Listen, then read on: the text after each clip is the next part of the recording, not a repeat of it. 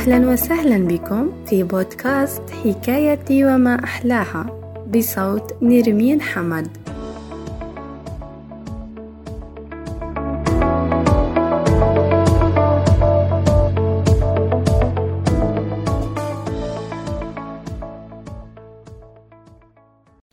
صوصو كتكوت شقي.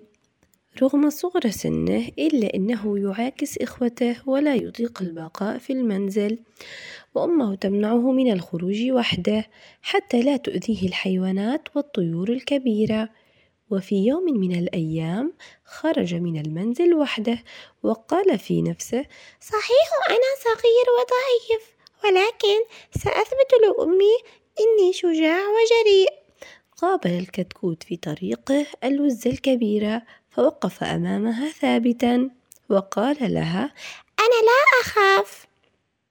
وسار في طريقه وقابل صوص بعد ذلك الكلب ووقف أمامه ثابتا فمد الكلب رأسه ونبح بصوت عالي.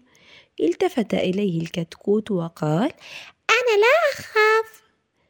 ثم سار صوصو حتى قابل الحمار وقال له صحيح إنك أكبر من الكلب ولكن كما ترى لا أخاف. فنحق الحمار وترك الكتكوت وانصرف. ثم قابل بعد ذلك الجمل فناداه بأعلى صوته وقال أنت أيها الجمل أكبر من الوزة والكلب والحمار ولكن لا أخاف.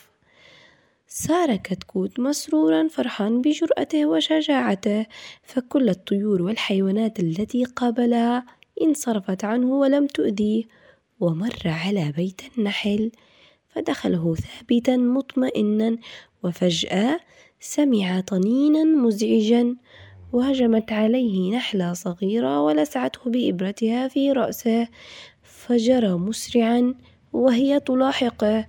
حتى دخل المنزل وأغلق الباب على نفسه. قالت أم صوصو له لابد أن الحيوانات الكبيرة قد أفزعتك.